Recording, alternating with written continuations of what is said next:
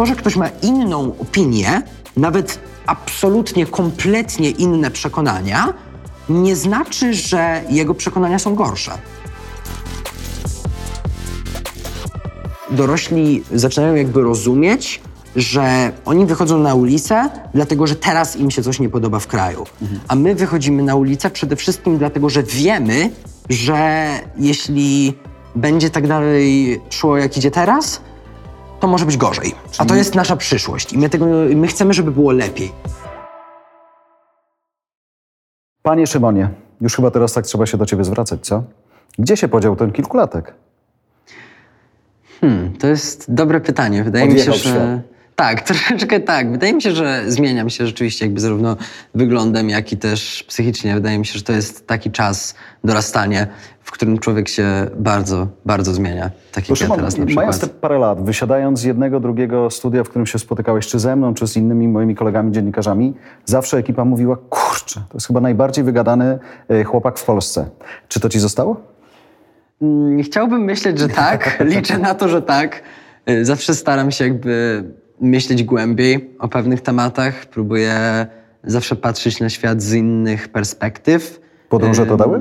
Tak, to na pewno jest coś, co spowodowały podróże, ale także moi rodzice, którzy od zawsze uczyli mnie, że jeśli patrzę na coś w ten sam sposób zbyt długo, może warto jest jednak zmienić perspektywę, żeby sprawdzić, czy na pewno mam rację, czy na pewno. Nie umiem tego do końca wytłumaczyć, ale wydaje mi się, że jeśli mamy pewne przekonania, warto jest je czasami weryfikować co jakiś czas patrzeć na nasze, y, na nasze własne poglądy z innej perspektywy, mm, po to, żeby, y, żeby jakby po prostu widzieć świat w troszeczkę inny sposób. Dojrzewać. Tak, W ten dokładnie. sposób mierzysz swoją dojrzałość, czy swoje dojrzewanie? Wydaje mi się, że zmiana poglądów, ewolucja moich poglądów mo- mogłaby być jednym z tych czynników, na, na podstawie których się oceniam. Jesteś, e, myślę, jednym z niewielu młodych chłopaków w Polsce, który może popatrzeć na swoje archiwalne nagrania, które były bardzo publiczne. Czy widząc tego Szymona 8-9-letniego, który z pełną pasją opowiadał o zwiedzaniu świata, e, zawstydzasz się, czy jesteś dumny z niego? Y, Częściowo jestem zawstydzony, dlatego że. Ale częściowo jestem też jakby. Mm, mam bardzo dużo emocji, kiedy oglądam te filmiki, ponieważ po pierwsze jestem trochę zawstydzony, to prawda, dlatego że no umówmy się, momentami byłem mocno obciechowy, nie? Ale z drugiej strony jestem też z siebie dumny. Mm, tak jak pan powiedział, dlatego że widzę, że mimo tego, że dużo osób nie brało mnie na poważnie, byłem pewny siebie i zawsze wiedziałem, czego chcę. Tak, pamiętam ja te filmiki, które nagrywałem, y, to chyba było na Borneo, że tutaj zobaczcie na tą, y, na tą fabrykę, która produkuje ogromne ilości dymu przez nie. Tutaj te lasy są zanieczyszczone, umierają zwierzęta. Więc częściowo jestem zawstydzony, kiedy to oglądam, ale w bardzo dużej części jestem także dumny z siebie. Co też jest ważne i co się bardzo często powtarzało, też ja myślę o swoich emocjach po rozmowie z tobą, byłeś takim chłopakiem, e, o którym pewnie wielu rodziców oglądających myślało sobie, ja bym chciała lub ja bym chciał, żeby mój syn mówił tak mądrze jak Szymon. Czy skąd brała się to twoja jednak mimo wszystko, mimo lat, dojrzałość? Wydaje mi się, że jest bardzo wiele powodów, dla których jakby wypowiadałem się wtedy w ten sposób. Nie wiem, czy można to nazwać dojrzałością. Ym, bardzo się cieszę, że pan to w ten sposób widzi, ale wydaje mi się, że każde dziecko ma swoje własne poglądy i każde dziecko jest dojrzałe, tylko po prostu wiele mm, osób wstydzi się wypowiadać te swoje poglądy. Wydaje mi się, że byłem wychowany w takim, w takim duchu, że jeśli ja chcę coś powiedzieć, to mogę to powiedzieć. I nauczyłem się tego przede wszystkim od moich rodziców, ale nauczyłem się także tego, że mogę mieć swoje własne opinie dzięki podróżom, dlatego że często nasze opinie się różniły. Prawda jest taka, że wydaje mi się, że na początku, kiedy jest się jeszcze dosyć małym dzieckiem, y, opinie ma się tak właściwie takie same jak swoi rodzice, ale w miarę jak się staje coraz starszym i starszym, te opinie troszeczkę się rozchodzą. Mogą dalej być podobne, ale wydaje mi się, że nigdy nie ma się już dokładnie takich samych opinii jak swoi rodzice. I y, wydaje mi się, że to jest jakby najważniejszą, najważniejszą rzeczą, żeby po prostu patrzeć na świat w swój własny sposób. Czyli dawać dziecku też szansę wypowiedzieć swoje zdanie, Tak, niezależnie od pewno. sytuacji, niezależnie od wiedzy lub niewiedzy. Dokładnie. Czy ty w takim razie jesteś na tyle e, zorganizowanym chłopakiem, który się nie będzie nigdy przeciwko rodzicom buntował? Nie. No Wydaje mi się, że każdy będzie się przeciwko rodzicom buntował, dlatego że jednak no, to też jest ta część, y, to też jest jakby y, nieodłączna część okresu dojrzewania. Y, Więc wydaje mi się, że będę się przeciwko rodzicom buntował, ale jestem im bardzo wdzięczny za to, że sprawili, że jestem tym człowiekiem, którym dzisiaj jestem. Powiedziałeś jedną rzecz. Wyskoczył mi ostatnio na YouTubie film sprzed lat, gdzie jestem. Myślę, że ten YouTube tobą jest rzeczywiście dosyć mocno wypełniony. Czy to publiczne bycie przed kamerą kinową, przed kamerą telewizyjną, programów y, przeróżnych em, pozwoliło ci przygotować się do tego świata, w którym dzisiaj jesteś? Świata, który jest bardzo zdigitalizowany, świata szkoły online, która wymaga pracy z kamerą non-stop. Na pewno ułatwia mi, y, ułatwia mi to na przykład bycie na lekcjach online, bycie przed kamerą, nie czuję się dziwnie. y, Mówiąc do kamery, chociaż dalej często patrzę na nauczyciela w trakcie, kiedy mówię na jego kamerkę, zamiast patrzeć prosto jakby w kamerkę na swoim komputerze, tak? Ale wydaje mi się, że to nie jest jakby naj, ym, to nie jest najważniejszą rzeczą. Całe nasze pokolenie wychowało się w tym świecie, y, w tym świecie tech- technologii. My od zawsze piszemy ze sobą, zamiast rozmawiać twarzą w twarz. Oczywiście tak, że rozmawiamy twarzą w twarz, powiedziałbym, że przede wszystkim, ale umawiając się na spotkania, tego typu rzeczy, o wiele rzadziej już dzwonimy nawet do siebie. Najwygodniejszym i wydaje mi się najczęstszym sposobem komunikacji jest właśnie pisanie ze sobą. Więc w naszym pokoleniu, mm, moim zdaniem, mówienie do kamery czy mówienie do telefonu jest czymś normalnym. Na pewno y, te wywiady, filmy, tego typu rzeczy o wiele lepiej mnie przygotowały, ale nie mają chyba aż tak dużego znaczenia, jeśli chodzi o lekcje online. Choć zadając te pytania, a teraz słysząc Twoją odpowiedź, pomyślałem sobie, że w sumie przecież nie chodzi o technologię. Tak jak teraz na nas patrzy też ileś kamer, trochę je ignorujemy, bo ważniejsze jest to, i to jest moje kolejne pytanie, skąd się brała w Tobie ta pewność siebie? Mimo siedmiu, dziesięciu czy czternastu lat, kiedy się odzywałeś, to właściwie nic nie było w stanie Cię zatrzymać. Skąd byłeś tak pewny siebie? Z czego to było? Szczerze mówiąc, nie wiem. A może nie nie, wiem byłeś? skąd to się słucham. Może nie byłeś, ale dobrze grałeś pewnego siebie. Wydaje mi się, że nie. Ja od zawsze. Ja jestem bardzo ekstrawertycznym człowiekiem, pewnie pan zauważył. Ja nigdy nie mam problemów z poznawaniem ludzi, z wyrażaniem swoich opinii. Ym, Wydaje mi się, że bardzo dużą rolę grają w tym zarówno moi rodzice, jak i podróże. Wydaje mi się, że większość mojego wychowania, tego kim dzisiaj jestem, bazuje właśnie na tym, co pokazali mi rodzice i to, czego nauczyłem się w podróżach. Ale w trakcie podróży czasami widziałem rzeczy, które bardzo mnie bolały. Coś, co chciałem zmienić w tym świecie. I chyba z tego wzięło się to, że wiedziałem, że to, czy ja się czuję komfortowo, czy niekomfortowo, jest absolutnie nieważne, ponieważ są rzeczy, które trzeba zmienić w tym świecie. Więc ja muszę przejść przez tą swoją barierę, że nie wiem, boję się być przed kamerą. Mm, muszę po prostu mówić, muszę ludziom coś przekazać, ponieważ chcę, żeby ludzie coś wiedzieli, chcę, żeby coś zobaczyli. Mm, Chcę powiedzieć im coś, co widziałem, to coś, co ja uważam, że trzeba zmienić. Ale jeżeli widziałeś coś, co trzeba zmienić w Afryce i opowiadałeś o tym ludziom, miałeś wtedy 8-9 lat, myślisz, że to było dla nich wiarygodne? A może inaczej, czy było uwiarygadniające to, że młody chłopak, widząc jak wyglądać y, nie powinien świat, jest w stanie wywołać zupełnie inną reakcję, niż gdyby to opowiadał dorosły? Wydaje mi się, że tak. Dlatego, że dorośli często, w ogóle ludzie patrzą na problemy w Afryce, w, w krajach takich jak Borneo, mam na myśli, że w Azji ogólnie na przykład. Yy, sekunda, Borneo to nie jest kraj. W krajach takich jak Indonezja, ale na przykład problemy takie jak opowiadałem kiedyś o Borneo. Ym, patrzą na to jak bardzo odległe problemy, które w ogóle nas nie dotyczą.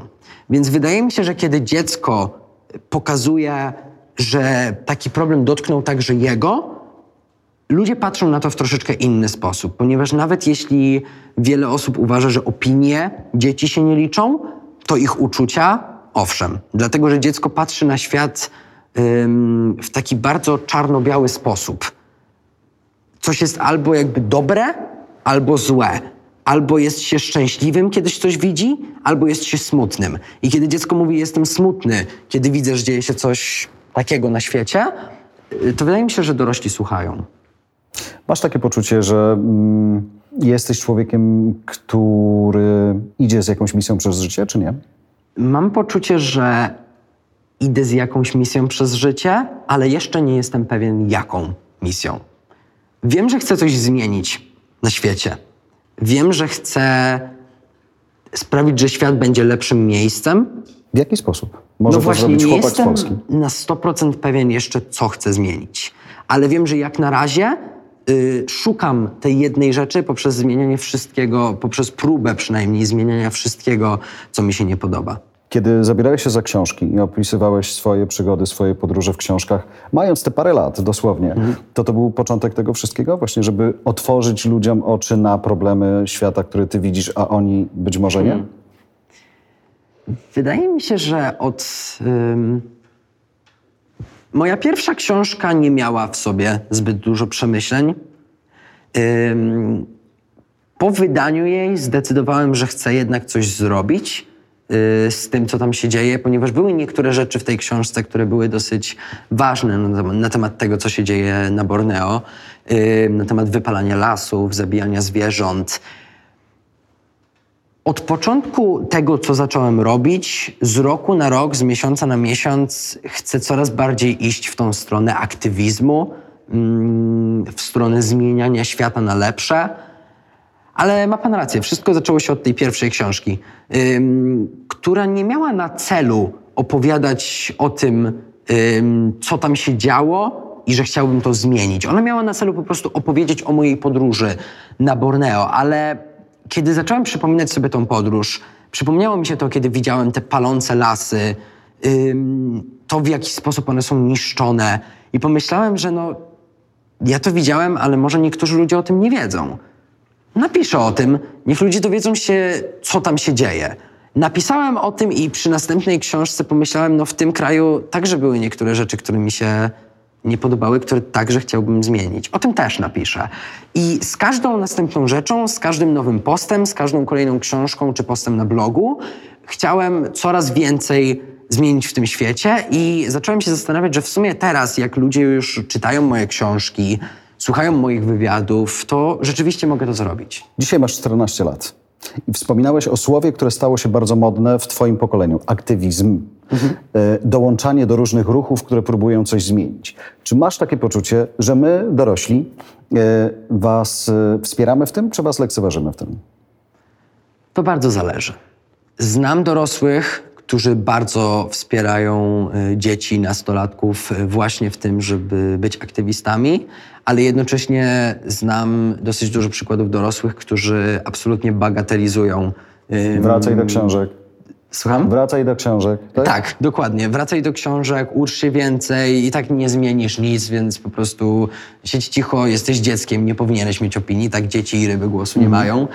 Ym, ale plusem jest to, że coraz więcej osób orientuje się, że to jest jakby nasza przyszłość. Tak? I to, że my Ale wychodzimy... poczekaj, osób, czyli nas dorosłych się orientuje, że to jest wasza przyszłość, więc was widać na ulicy powinno być więcej? Tak, tak. Okej. Wydaje mi się, że mm, dorośli zaczynają się, zaczynają jakby rozumieć, że oni wychodzą na ulicę, dlatego że teraz im się coś nie podoba w kraju. A my wychodzimy na ulicę przede wszystkim dlatego, że wiemy, że jeśli będzie tak dalej szło, jak idzie teraz, to może być gorzej. A to jest nasza przyszłość. I my, tego, my chcemy, żeby było lepiej. I też dlatego wychodzimy na ulicę. Czyli dorośli reagują na to, co tu i teraz się dzieje, wy myślicie trochę bardziej do przodu. Tak mi się I wydaje. Jak widzisz młodą e, Szwedkę, która ciągnie ze sobą swoje pokolenie, globalnie zupełnie, to mm, to, to, to jest dla ciebie wiarygodne? Tak. To jest dla mnie wiarygodne, ponieważ y, zauważam z czasem coraz większą tendencję do y, głębokich rozmów w naszym pokoleniu. To jest do tego stopnia, że ja poznaję nowych ludzi, my gadamy przez godzinę na temat jakieś takie tematy, mm, nazwałbym to normalne, tak? Czyli nie wiem, rozmawiamy tutaj o książkach, o serialach, o teatrze y, i po tej mniej więcej godzinie następnie zaczynamy rozmawiać o depresji, o polityce, o uchodźcach, o tego typu tematach, które, no umówmy się, są dosyć ciężkimi tematami. Zauważam, że ludzie w moim pokoleniu są bardzo chętni do prowadzenia głębokich rozmów, do dy- dyskutowania na temat tego, co oni widzą, co chcieliby zmienić. Skąd to się bierze? Bo do takich rozmów zakładam potrzeba trochę kontekstu, wiedzy, doświadczenia, może środowiska tego najbliższego, rodziny, rodziców, którzy, y, którzy albo ci pomogą w tym, albo cię do tego przygotują, albo cię nie zatrzymają. Tak, to jest. ym, moim zdaniem to jest część tego, tego właśnie buntu przeciwko rodzicom, ale nie tylko przeciwko rodzicom, przeciwko ogólnie autorytetom. Wydaje mi się, że to jest coś, co zdarza się bardzo często wśród.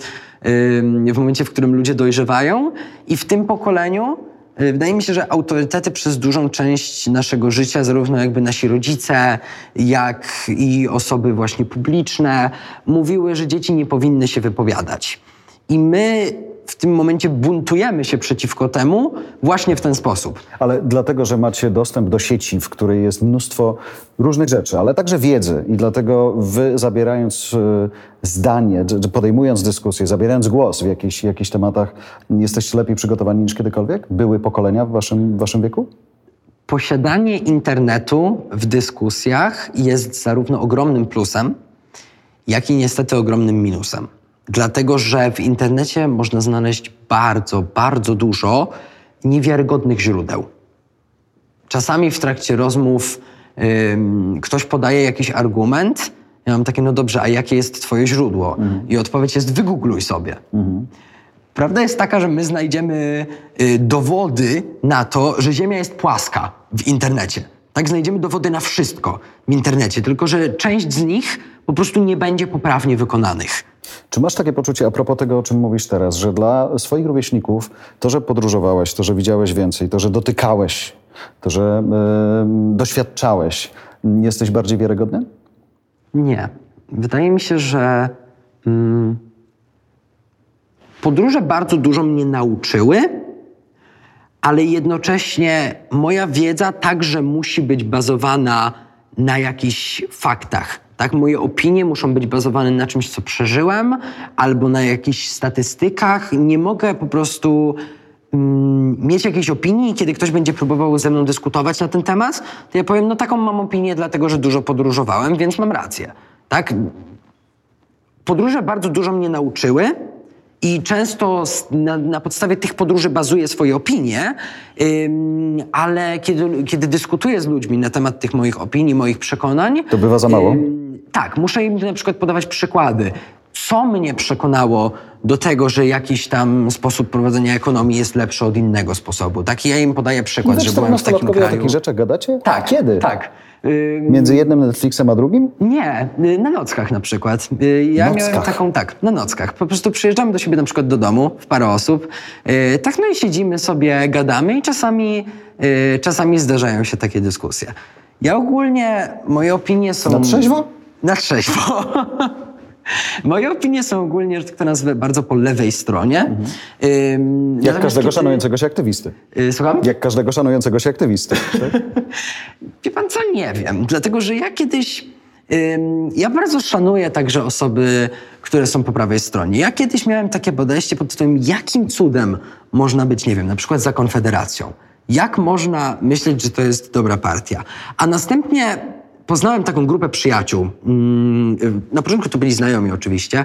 Poznaliśmy się na jedną nockę, zaczęliśmy ze sobą rozmawiać. Po jakimś czasie to byli, to oni stali się moimi przyjaciółmi. To była grupa taka, takich czterech, pięciu osób, gdzie większość z nich jest właśnie za Konfederacją. Mają w okolicy twojego wieku, tak? W Y, okolicy tak, 15 tak, lat. mają absolutnie przeciwne poglądy do moich, ale ja się przyznam, ja się dzięki nim bardzo dużo nauczyłem.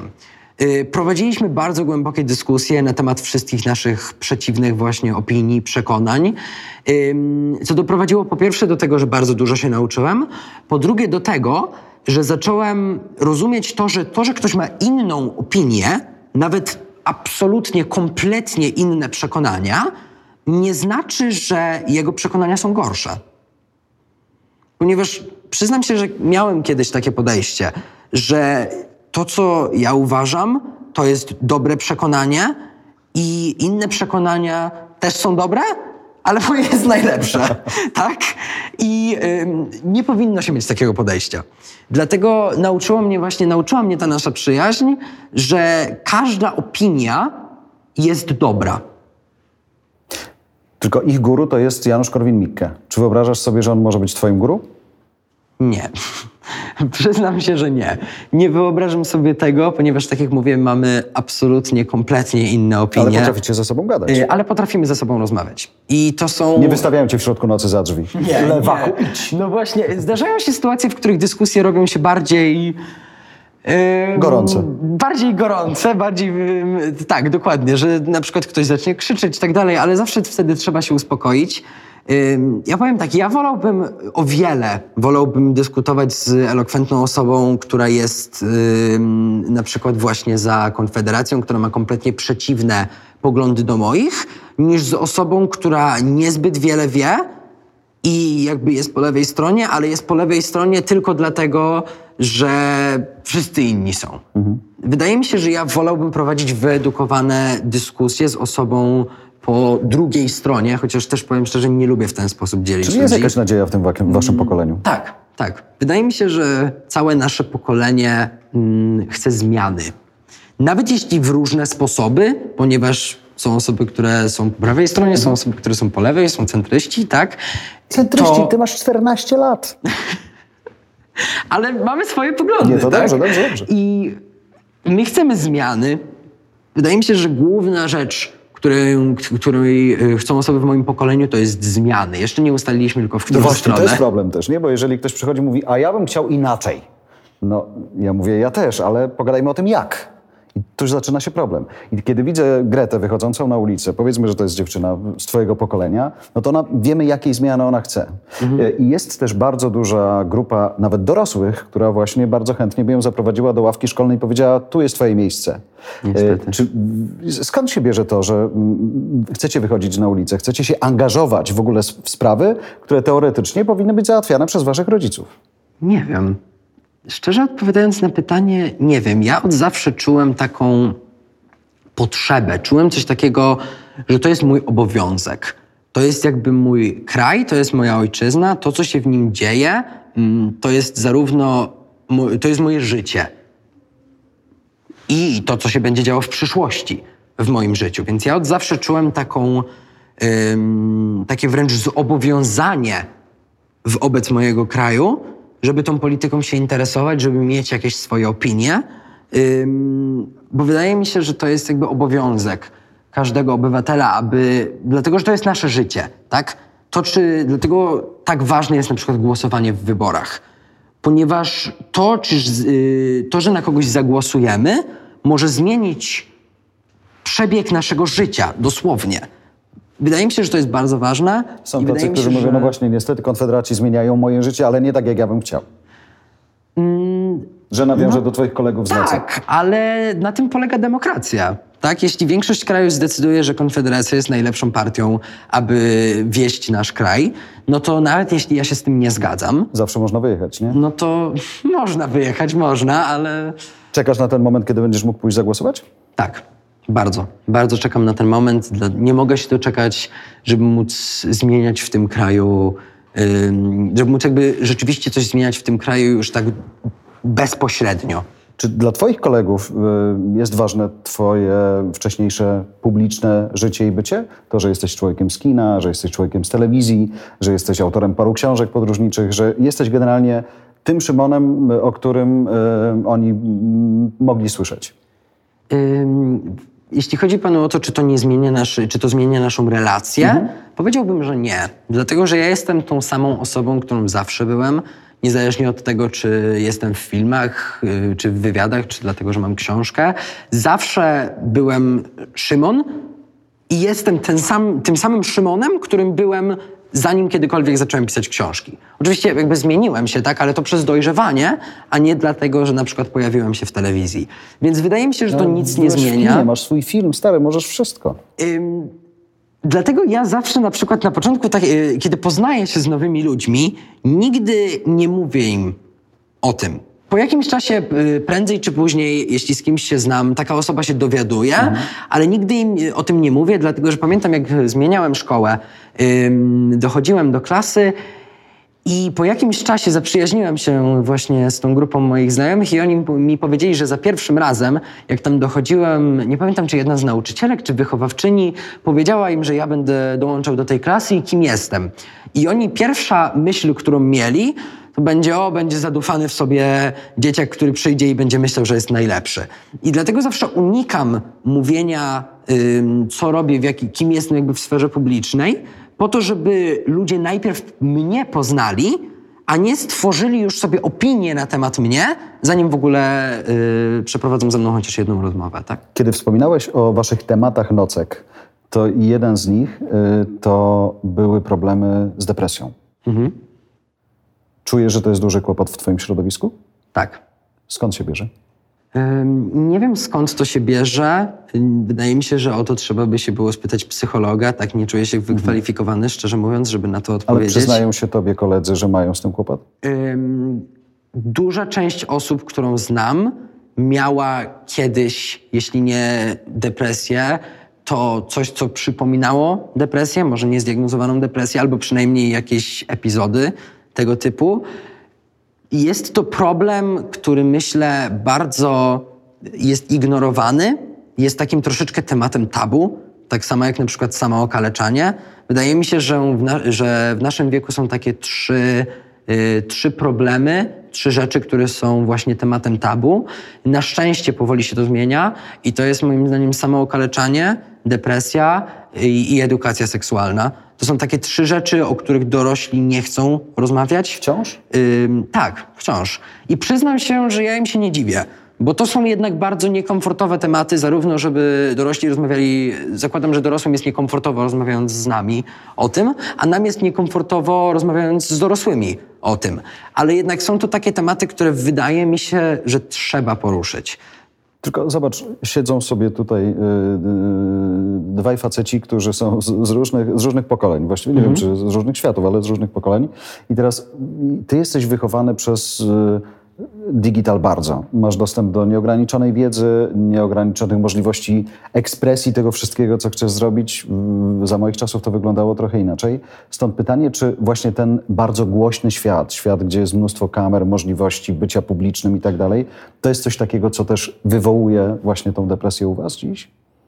To, że wszyscy chcą być piękni, to, że wszyscy porównują się nawzajem. Na pewno. Jest to na pewno jeden z powodów, mm, przynajmniej tak mi się wydaje, nie mogę być y, pewien, ale wydaje mi się, że tak. Wydaje mi się, że to jest jeden z tych powodów.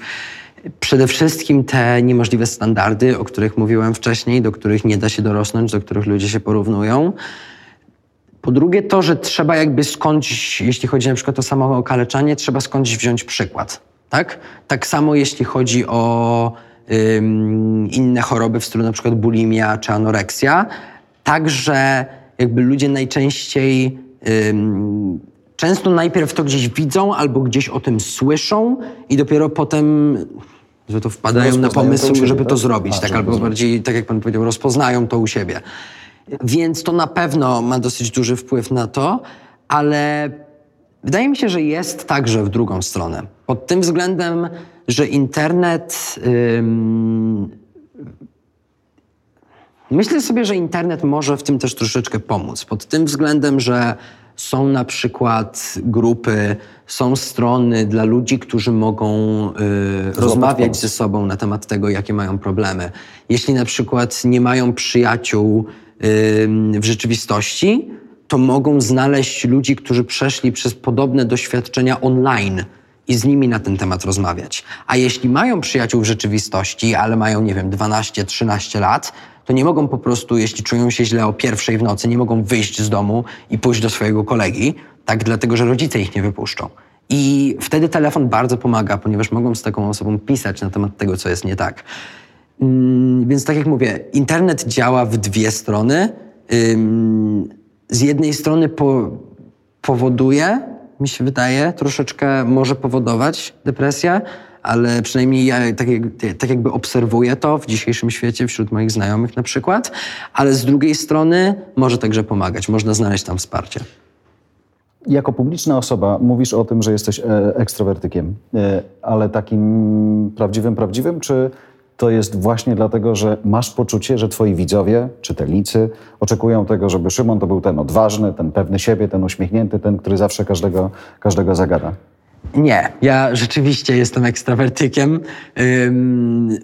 Ja nigdy nie miałem problemów z y, zawiązywaniem znajomości. Jedna historia, którą moi rodzice zawsze opowiadają, kiedy, po, kiedy o tym mówię, to jest. Ja kiedyś, ja jakby uczyłem się angielskiego od momentu, jak byłem dosyć małym dzieckiem, ale na początku umiałem tylko parę takich podstawowych słów. W jednym momencie byliśmy, nie pamiętam gdzie to było, to chyba było w Bangkoku. Pamiętam, że gdzieś staliśmy, nie wiem gdzie to było, gdzieś obok ulicy mm, i tam była taka fontanna. I w tej fontannie pływały sobie takie rybki. Dla mnie te rybki były ogromne, bo taka rybka była dłuższa niż moja ręka cała, nie? Ym, więc ja patrzyłem na te rybki, taki zafascynowany.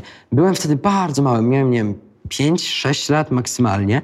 Ym, I teraz, gdzie tutaj wchodzi moje bycie ekstrawertykiem? Podbiegałem do randomowych ludzi na ulicy, ciągnąłem ich za rękę i krzyczałem big fish, big fish i pokazywałem do tej fontanny, w której pływały te, długie, te duże ryby. Więc jakby przez całe moje życie uwielbiałem nawiązywać kontakt z ludźmi, Dlatego dosyć ciężko mi jest w trakcie tego lockdownu, nie jednak siedząc cały czas samemu w domu. Ym, więc ja od zawsze, nawet kiedy przechodziłem do nowej szkoły, zawsze gadałem ze wszystkimi. Więc jestem ekstrawertykiem także w prawdziwym życiu, a nie tylko dlatego, że jakby ludzie to lubią. I zdarza się twoim kolegom widzieć w tobie właśnie taką osobę, do której można przyjść, zapukać i poprosić o pomoc? Tak, wydaje mi się, że tak. Y, Ja bardzo lubię pomagać ludziom. Y, Lubię, kiedy moi znajomi jakby przychodzą, ja im mogę pomóc w pewien sposób. Wydaje mi się, że bycie ekstrawertykiem do tego stopnia, jak ja jestem, ma też pewne swoje minusy.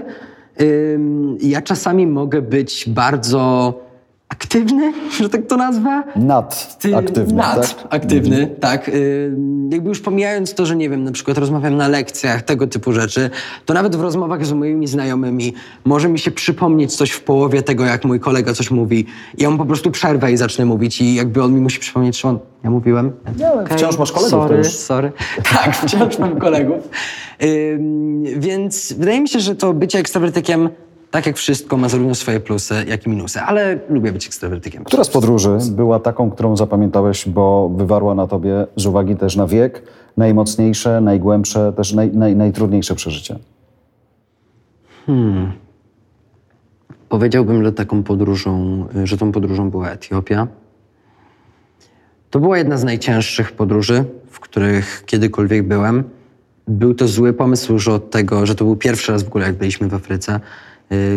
I to był zły pomysł, że od tego zaczęliśmy, dlatego że to było miejsce, gdzie ja jednocześnie nie lubiłem tego kraju i nie lubiłem ludzi w tym kraju a jednocześnie bardzo im współczułem i ich jakby rozumiałem. I rozumiałem, może po prostu wytłumaczę o co chodzi. Kiedy byliśmy w Etiopii, widzieliśmy na przykład w wioskach, kiedy byliśmy w Dolinie Omo, widzieliśmy ludzi, którzy mieli ogromne problemy przede wszystkim z utrzymaniem. To jest do tego stopnia, że w niektórych wioskach trzeba było na przykład iść dwie doby do najbliższego sklepu. Ci ludzie mieszkali w drewnianych chatkach.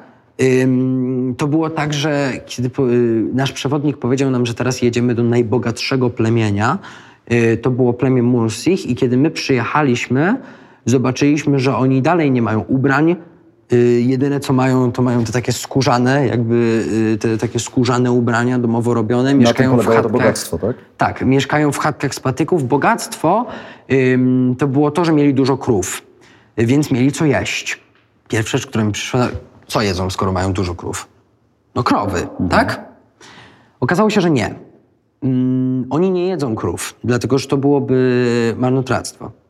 Oni nacinają żyły krowom w ten sposób, żeby ich nie zabić, tylko żeby zebrać krew.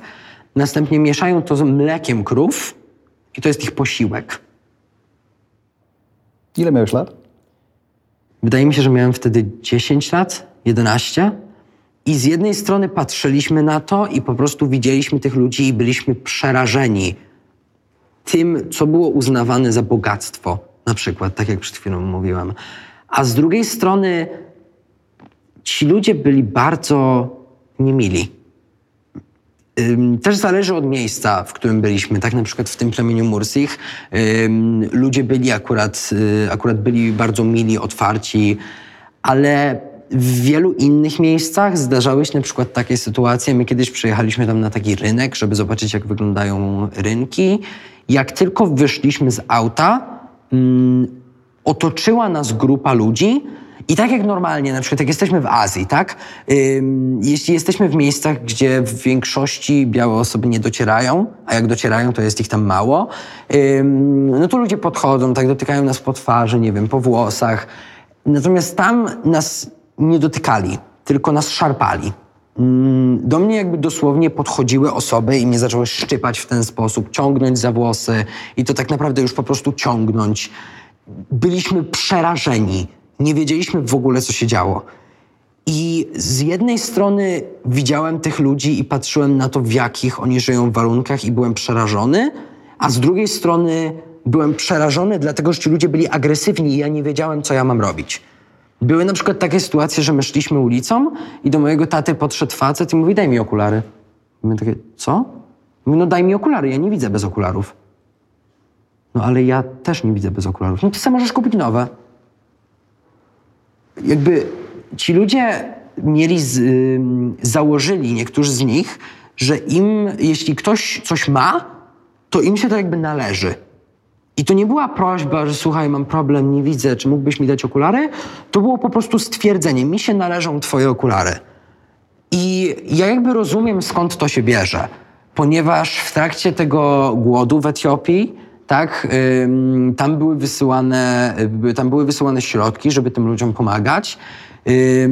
I wydaje mi się, że stąd to się bierze, że jakby tym, ty, ci ludzie mają takie podejście, że jakby jeśli my czegoś nie mamy, to zasługujemy na to, żeby nam to dać, Czego taka podróż uczyła dziesięciolatka?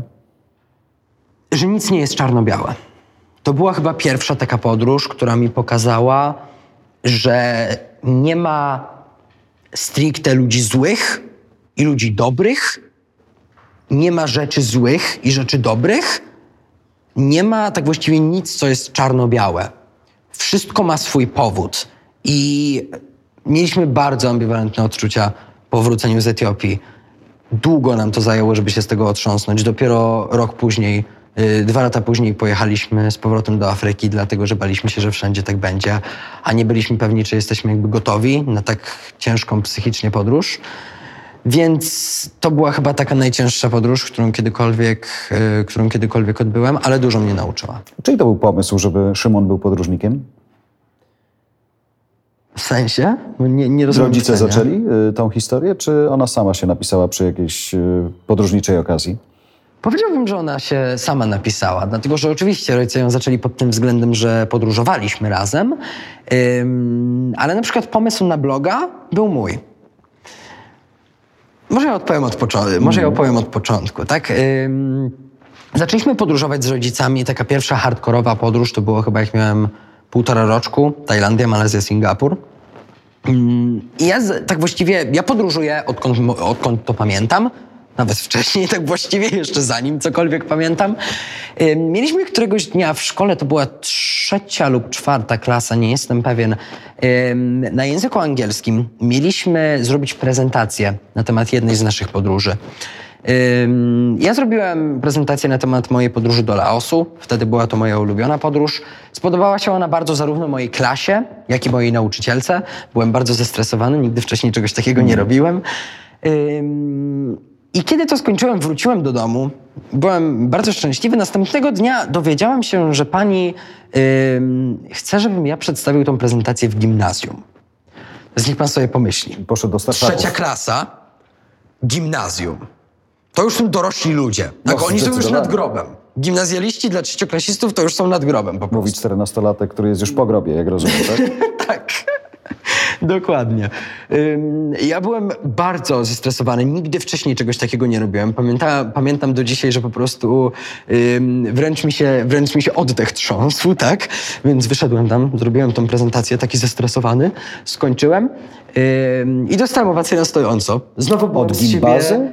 Od gimbazy, no. Tych ludzi nad grobem, no ale co im zostało właściwie? Byłem z siebie bardzo, bardzo dumny. Wróciłem do domu, powiedziałem swoim rodzicom. Nie pamiętam, kto to zaproponował, ym, ale w ten sposób narodził się pomysł na bloga. Pierwszy mój post na blogu to jest właśnie post o mojej podróży do Laosu, yy, który jest tak właściwie moją prezentacją zapisaną po angielsku i potem przetłumaczoną na polski. A potem doszły książki? Tak, Programy? potem doszły książki, potem doszły kino. filmy, programy. Czy lubisz ten świat? Czy chcesz go y, dojrzewając zostawić za sobą? Lubię ten świat, lubię, ale nie jestem pewien, czy jest to coś, co chcę robić całe swoje życie. Swoją przyszłość chciałbym związać z filmem, chyba. Mam jeszcze trochę czasu, niedużo, Masz do wyboru polityka, ale trochę film czasu. albo aktywizm. tak, tak. Czemu nie wszystkie naraz, nie? Ym, więc mam jeszcze trochę czasu, żeby wybrać. Nie jestem na 100% pewien, co chcę robić w przyszłości. Wydaje mi się, że chcę to związać w, z filmem, więc Ale filmem jako aktor, tak jak dziedzinie... teraz, czy- Nie, jako reżyser. Mm, Więc w tej dziedzinie chciałbym zostać, y, ale jeśli chodzi na przykład o pisanie książek, o tego typu rzeczy, jeszcze nie zdecydowałem. Przyjdzie taki moment kiedyś, że zadzwonisz do Doliny Krzemowej, do właścicieli YouTube'a i powiesz, żeby wykasowali wszystkie archiwalne rzeczy związane z Szymonem? Nie. Jestem pewien, że nie. Dlatego, że to są bardzo miłe wspomnienia z No, to mojego ludzie mają to życia. na kasetach VHS w domu, po co to pokazywać publicznie, no? Wydaje mi się, że jak będę, mm, jak będę dorosły, mm, będę patrzył na to, będę patrzył na te filmiki, jeśli kiedyś mi się jakieś gdzieś wyświetli, z taką nostalgią, mm, troszeczkę z taką tęsknotą, ale jednocześnie, ym, ale jednocześnie będę po prostu dumny z siebie, dlatego że wydaje mi się, że robię naprawdę dużo.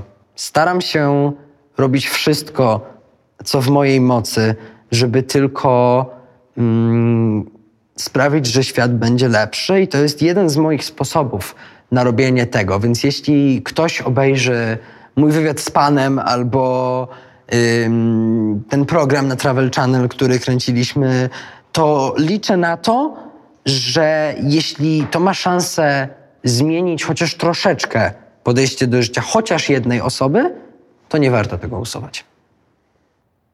Dobra, to skasujmy przynajmniej to nagranie. Bardzo Ci dziękuję, Szymon. Ostatnie moje pytanie będzie brzmiało, kiedy uznasz, że jesteś dorosły?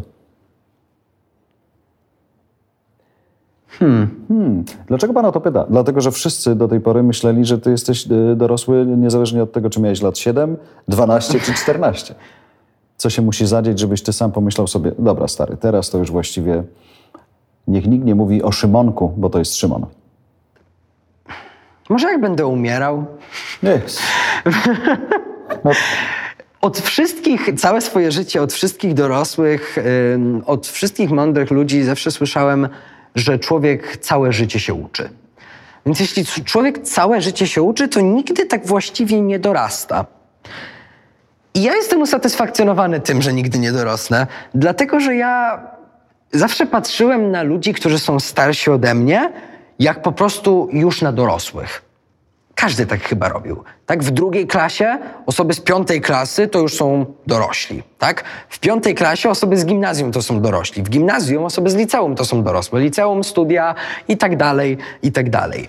I tak patrzyłem od zawsze, mm, ale ostatnio zauważyłem, że jak powoli mijam te następne progi, że jestem już dorosły według mniemania mnie parę lat temu, orientuję się, że tak właściwie nic jeszcze nie wiem.